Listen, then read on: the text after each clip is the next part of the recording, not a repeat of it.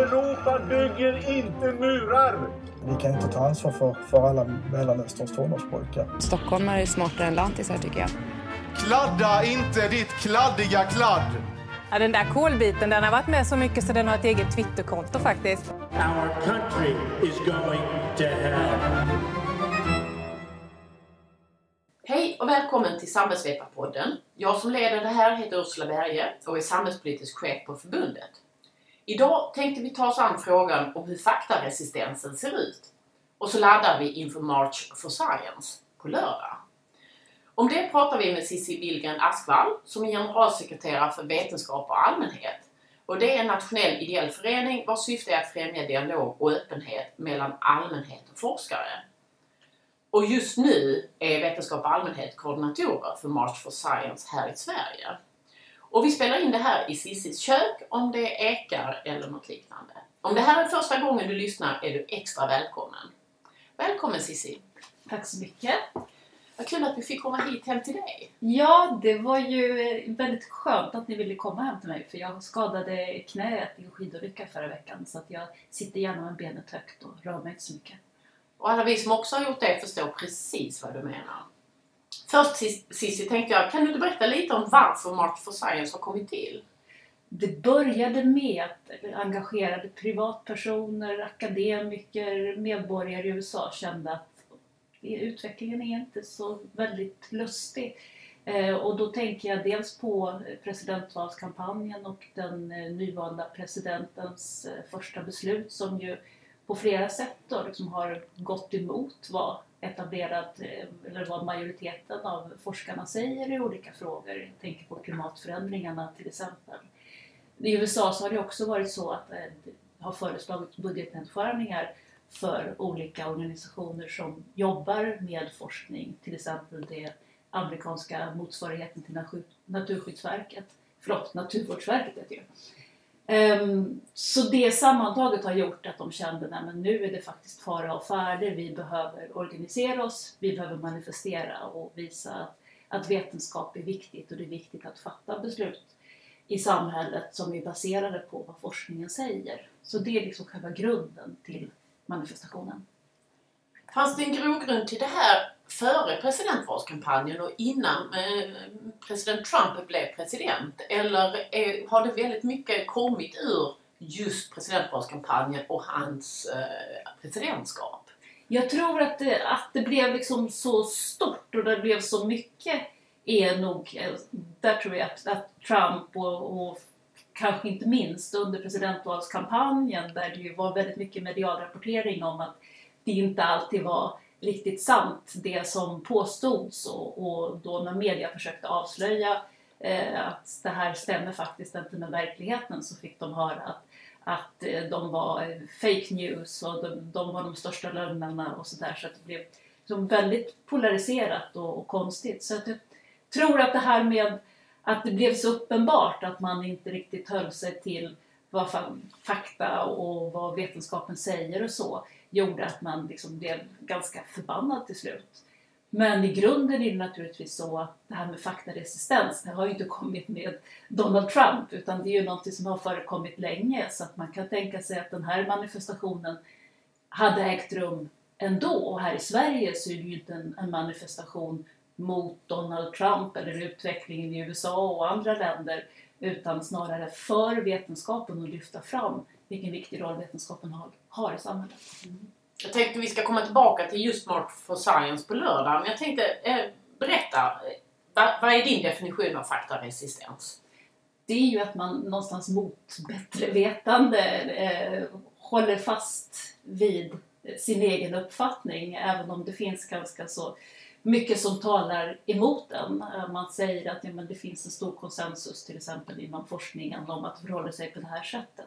Ja, men det, jag tror ändå inte det, det stämmer. Det känns inte riktigt, riktigt rätt och, och forskarna kan ju ha fel och så. Klimatförändringar är ju ett klassiskt exempel på det. Att det finns en hel del, man brukar tala om klimatförnekare som inte tar till sig att det faktiskt finns en väldigt stor konsensus i forskarvärlden om att klimatförändringarna är faktiska.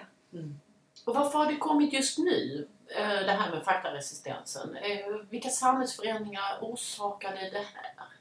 Jag tror ju faktaresistens har ju alltid funnits Ja, någonstans. För det är ju, det är ju någonstans i psykologin att, att man vill ju gärna ha rätt. Om man, man har en uppfattning så söker man ju gärna kanske efter den typen av eh, argument eller den typen av fakta som, som eh, bekräftar den uppfattning man redan har så att säga. Så att vi är nog alla faktaresistenta i vissa frågor, de frågor som man är engagerad i och har ett känslomässigt engagemang i inte minst tror jag. Så att det är ju inget nytt under solen egentligen men för det har liksom uppmärksammats så mycket mer på sistone är ju förmodligen i och med digitaliseringen, de sociala medierna, att vi har tillgång till otroligt mycket fakta men också det är väldigt lätt att sprida alternativa fakta som man brukar tala om ibland, alltså inte riktiga fakta utan saker och ting kan få liksom ett, ett omlopp trots att det inte är, är rätt och till och med spridas viralt eh, av misstag, att man inte förstår, men också eh, systematiskt i vissa fall. Vi har ju i Sverige haft en diskussion kring det här med trollfabriker till exempel, där, där människor sitter och fabricerar vad som inte är korrekt. Falska nyheter med vett och vilja. Mm. Men man tänker sig ändå, den bild man har är att vi går mot ett allt mer rationellt samhälle och Copernicus hade sina problem och upplysningsfilosoferna hade sina. Men att vi går mot mer och mer faktabaserat för att det går att bevisa och vetenskapen går framåt och så vidare. Eh, och att det är på något sätt en linjär utveckling. Men eh, så kanske man inte ska förstå det just nu. Jag är ju naturligtvis ingen expert utan jag talar utifrån från mina egna erfarenheter och det är ju verkligen så att vi är ju allt mer högutbildade i Sverige. Allt fler skaffar sig liksom en, en även eftergymnasial utbildning och man har tillgång till väldigt mycket fakta och kunskap, inte minst via, via internet. Så att förutsättningarna är ju väldigt goda eh, för att skaffa sig ja, en hyggligt eh, realistisk uppfattning om, om, i olika frågor. Eh, men samtidigt så, så finns ju den här liksom, känslomässiga eh, viljan att man vill att det ska vara på ett visst sätt. Och man lyssnar kanske framförallt på de som man har förtroende för och som liksom, man umgås med i samma krets. Man brukar tala om, om filterbubblor och de här algoritmerna som gör att det är de personer som jag likar i mina sociala flöden som dyker upp eh, oftare och oftare så att man kanske inte på samma sätt som på den tiden när vi liksom satt och tittade på två kanaler i Sveriges Television och det fanns inte så mycket annat eh, att ta till sig på kvällen och alla fick ungefär liksom samma bild av världen via eh, nyhetssändningarna till exempel. Idag så är det, ju, är det väldigt mycket mer fragmenterat. Och det gör ju att man behöver ha det här liksom grundläggande, lite kritiska tänkandet. Att, ja, men kan det här verkligen stämma? Liksom, vad, vad bygger den här, de här påståendena, de här sakerna som du dyker upp i mina flöden? Vad, vad, vad finns källorna till det? Liksom, verkar det realistiskt? Och så? Mm. Men samtidigt, alltså det var ju en tid då alla såg Hyllans hörna och kunde förhålla sig till det. Liksom alla såg samma sak. Och då kan man ju säga att då hade vi samma referensramar, kunde diskutera samma saker. Men ju fler källor vi har tänker man att ja, men det skapar ju en förutsättning för ett kritiskt tänkande, att vi har många input och så vidare. Men samtidigt så, så fick vi input som var så filtrerade.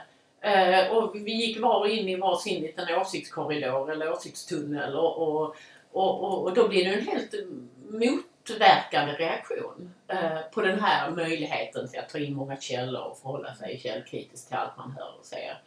Um, så det drar lite åt olika håll den här samhällsutvecklingen. Mm, jag, jag instämmer till fullo i det. Att det är ju verkligen så att det finns ju alla förutsättningar och digitaliseringen och internet och alla de nya medierna är ju i grunden en väldigt positiv utveckling. Men det ställer ju också krav på oss att vi förhåller oss till allt det här som bara dyker upp i våra olika flöden och försöker hela tiden behålla det här lite kritiska tänkandet. Så det tror jag är förklaringen till att trots att vi då är, liksom, är så upplysta och så högutbildade och så, så är vi ändå inte mer än människor. Och det är lätt att fångas upp. Vad var det där för någonting? Och har du hört? Och, och därför att de drivkrafterna har vi ju också. Du precis som alla vi andra eh, ser ju olika exempel på fake news eller faktaresistens. Vilka uttryck just nu eller vilka eh, ex exempel eller situationer tycker du eh, har varit värst? Så det är svårt att gradera sådär vad som är värst. Jag blev ju själv faktiskt eh, väldigt illa berörd när jag såg just presidentvalskampanjen i USA där jag kände att, att eh, men här är det ju verkligen, det är ju lite eh, 1984, lite Orwells över det hela liksom. Att helt plötsligt blir, blir uppenbara felaktigheter påstås vara sanningar. Och det kanske tydligaste exemplet var när president Trump väl hade valts in så helt plötsligt så regnade det inte längre på, på invi- när han eh, svor sin presidented utan det var fint väder och helt plötsligt så var det rekordmånga som tog del av den där installationen fast det var enkelt att se på vanliga översiktsbilder att det var inte alls lika mycket folk som när Barack Obama till exempel svor sig in. Och att man då liksom, med vett och vilja ställer sig och säger inför hela världen att det här inte stämmer. Det är ju så dumt så att det liknar ingenting. Och, och varför gör man det? Tror man på det eller vill man tro på det? Eller är det en del av Jag, ärligt jag förstår inte riktigt det. Att man, man liksom hävdar sådana saker som är så väldigt lätta att kontrollera. Man kan ju förstå att man kan eh, vädja till folks, när det är liksom mer eh, ol, olika forskare och olika uppfattningar. Det finns liksom verkligen en, en, eh, en bredd i olika eh, syn på någon viss fråga. Men i det här fallet när det verkligen handlar om, om fakta, att räkna efter hur många personer som är på plats eller titta på vad det är för väder i himlen, så är det ju väldigt konstigt. Jag kan, jag kan inte förklara, kan du förklara varför man då som, som talesperson för Vita huset står och säger en sån sak? Jag tror det handlar om hans eh, psykiska tillstånd mer än något annat.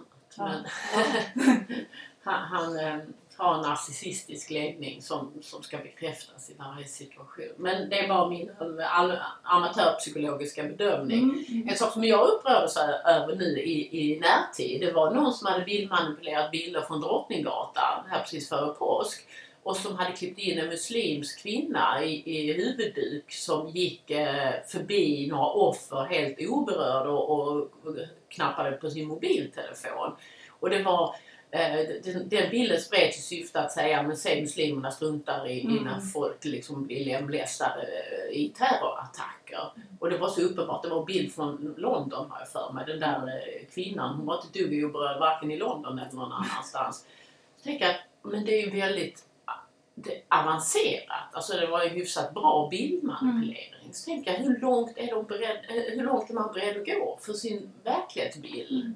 Men det är ju just det här som vi pratade om innan lite grann, de här trollfabrikerna. Att det finns människor som med vett och vilja sitter och klipper ihop falska bilder av verkligheten i något visst syfte. Till exempel att visa att journalister är dumma i huvudet och man kan lita på dem genom att intervjua dem och klippa ihop något väldigt konstigt där de talar emot sig själva.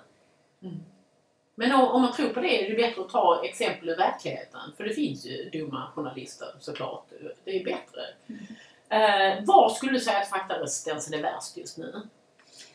I politiken, i akademin, i media, i allmän debatt, i sociala medier? Alltså, det är ju jättesvårt att gradera. Den, den finns ju, förekommer ju eh, lite varstans. Eh, nu har jag ju tagit en rad exempel från, från USA och det tycker jag liksom, det är ju ett tydligt exempel. Men det finns ju också alltså, politisk utveckling som är olycklig i flera länder jag tänker att, att vetenskapen ligger lite illa till. Både liksom att man kanske skär ner på, på pengar till till olika vetenskapliga institutioner, eller så statliga medel till forskning, men också att man till exempel som ju Ungern då eh, vill stänga ner ett välrenommerat universitet.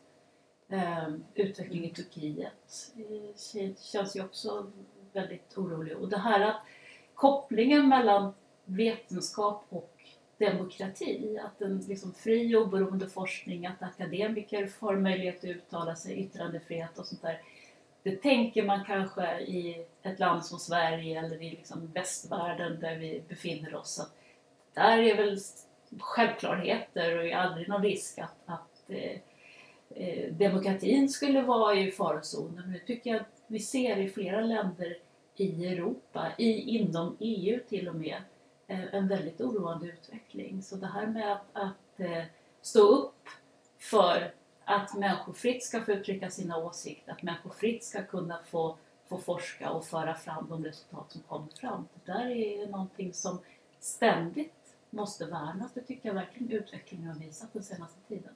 Och man tänker att det där kommer ju inte till Sverige men eh, jag tänkte på när Sverigedemokraterna la sitt budgetförslag där man föreslog nedskärning av SMHIs budget.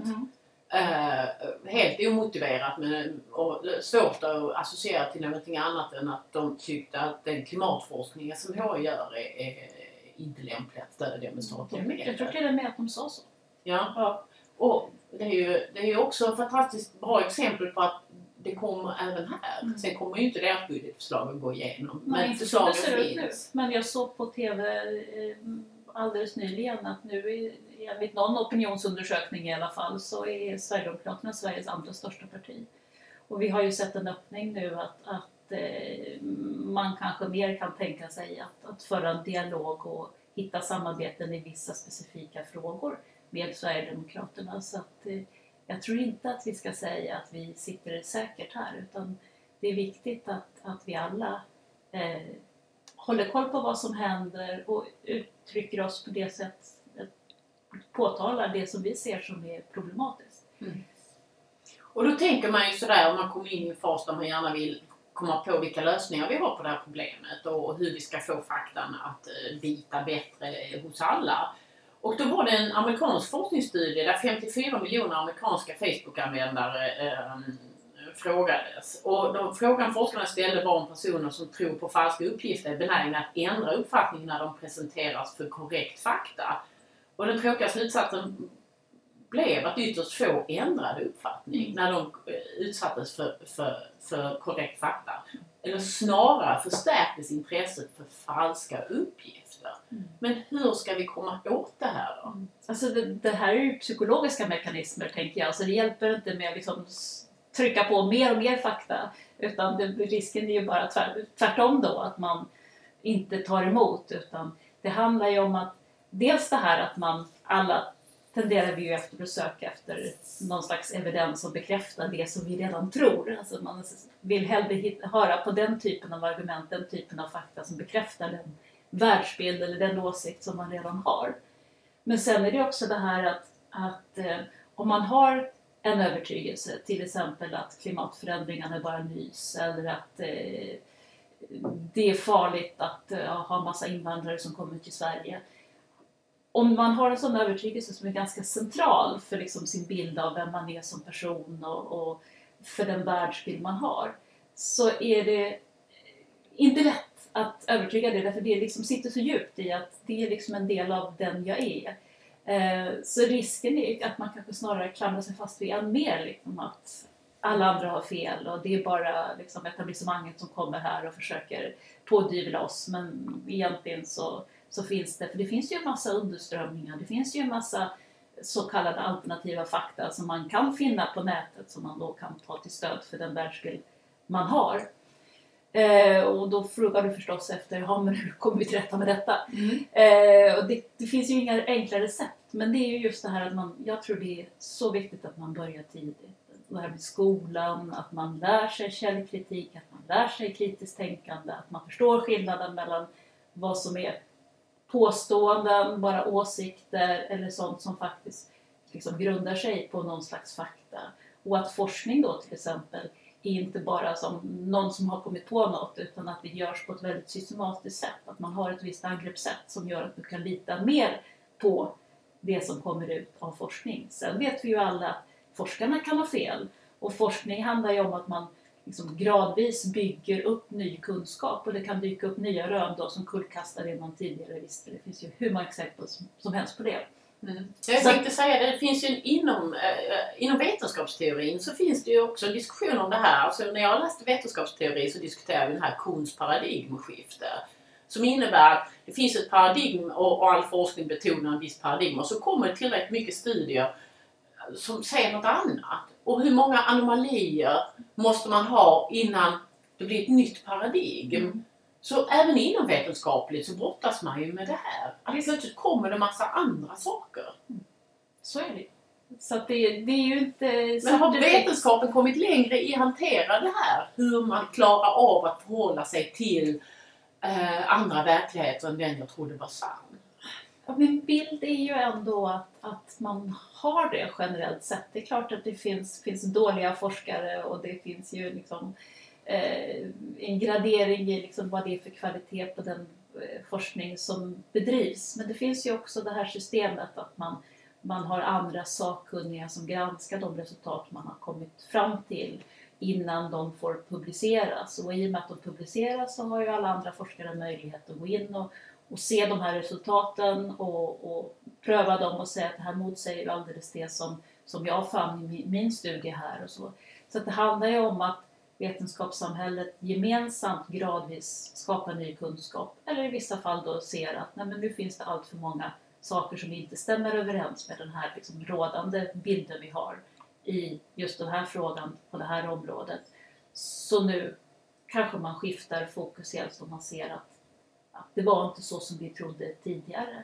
Och det är väldigt viktigt att det på något sätt också ett eh, kvalitetskriterium som visar att forskningen eh, kan man ändå hålla sig till därför att då är det en gemensam inom forskarsamhället eh, att nej men nu finns det så mycket som talar för någonting annat så då kommer vi till slutsatsen att det vi tidigare såg stämmer inte längre överens med den här nya större komplexa bilden som vi har fått. Mm. Och det där är ju naturligtvis inte så jättelätt att förklara för, för små barn apropå det här med att liksom lära sig mer om ett vetenskapligt angreppssätt i skolan, kritiskt tänkande och så. Men, men det är ju så med hela vår tillvaro. Det är ganska komplext. Mm.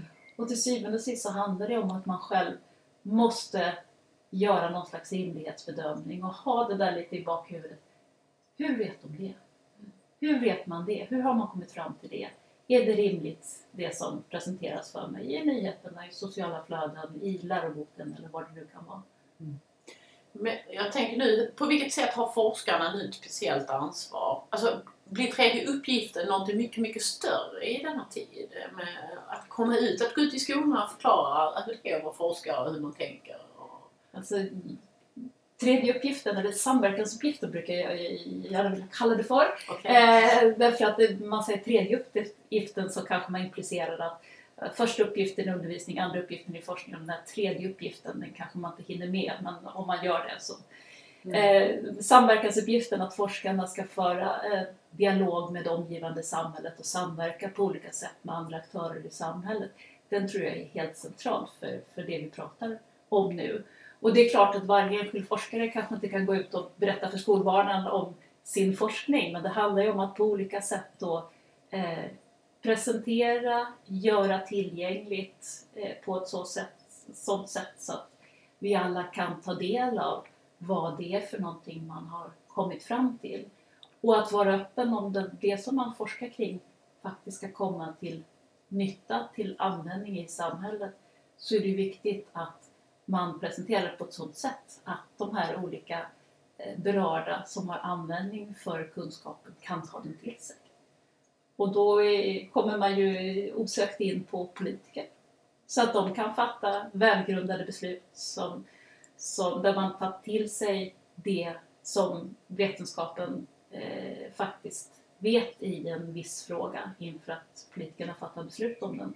Då måste det ju naturligtvis finnas i en så pass lättillgänglig form och så pass syntetiserad så att eh, politikerna har en chans att förstå vad vetenskapen faktiskt anser, eller en majoritet i forskarsamhället i alla fall, anser om vad som är lämpligt att göra. Sen är det klart att politik är ju så mycket mer än att fatta beslut på underlag av, av fakta, evidens, forskning. För det handlar ju också om ekonomi och vad som är rimligt, vad som är etiskt, eh, vad människor vill ha så att man kan bli återvald och så. Så politik är ju så mycket mer. Men att man i alla fall har det som en viktig faktor när man ska fatta politiska beslut.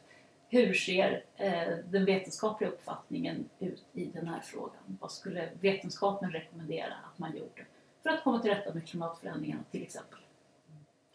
Och ett sätt för forskarna att komma ut eh, är ju på lördag. Mm. Eh, och då ska vi alla ut och marschera, hur du nu kan marschera med ditt dåliga knä. Men eh, berätta lite eh, om March for Science. Hur stort kommer det bli i världen?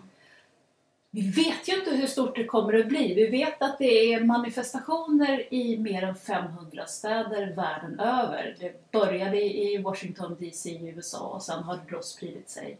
Här i Sverige så vet vi att det blir eh, aktiviteter på fem orter. Det är Stockholm, Göteborg, Uppsala, Umeå och Luleå.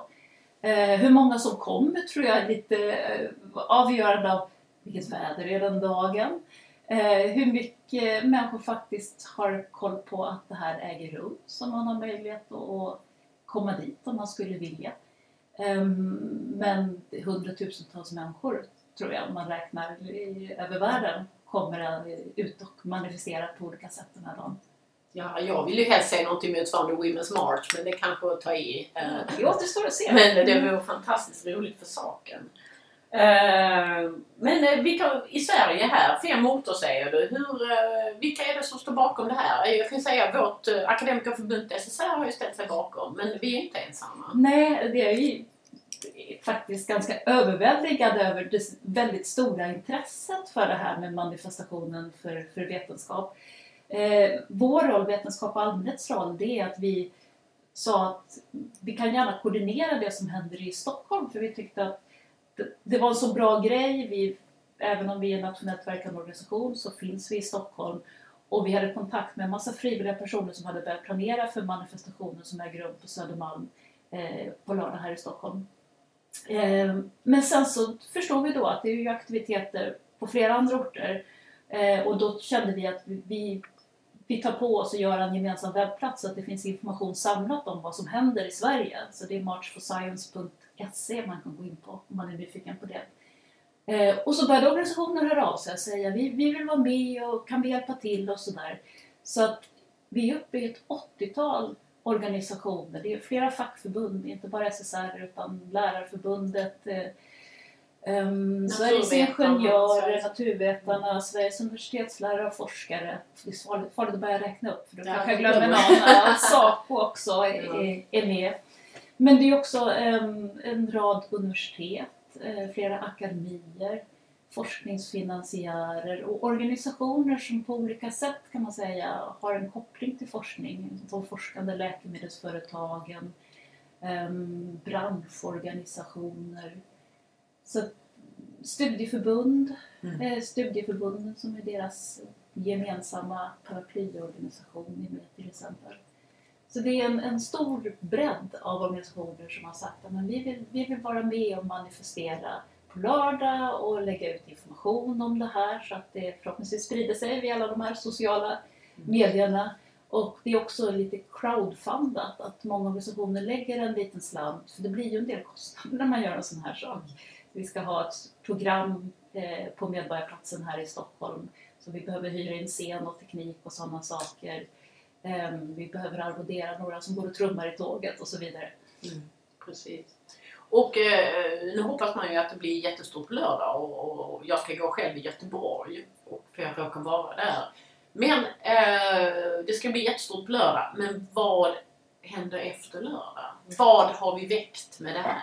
Förhoppningsvis så blir det inte det här en, en engångsmanifestation utan alla nu som har ställt sig upp och sagt att men det här känns angeläget och det här vill vi vara aktiva i eh, vill också fortsätta att jobba med de här frågorna och det kan man ju göra på flera sätt. Alltså dels kan ju till exempel SSR som fackförbund jobba med de här frågorna genom att anordna seminarier eller projekt eller vad det nu kan vara för någonting. Och på motsvarande sätt kan ju alla andra organisationer som är engagerade göra saker. Men vår förhoppning är också, vi bjuder in till ett möte eh, några veckor efter att manifestationen nu har varit, alla de som har varit engagerade för att diskutera, kan vi göra någonting tillsammans också? Och där har jag inte liksom att ska vi göra det här? Utan det är ju någonting som vi gemensamt får, får diskutera.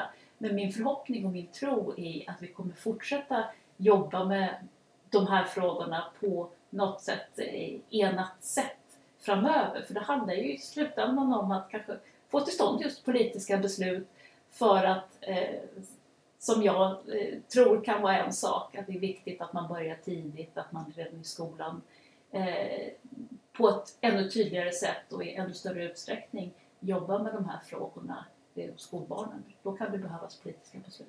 Men det är bara min egen uppfattning. Mm. Och, och eh, vad- tror du händer till exempel i USA där det här föddes? Vad, vad kommer att...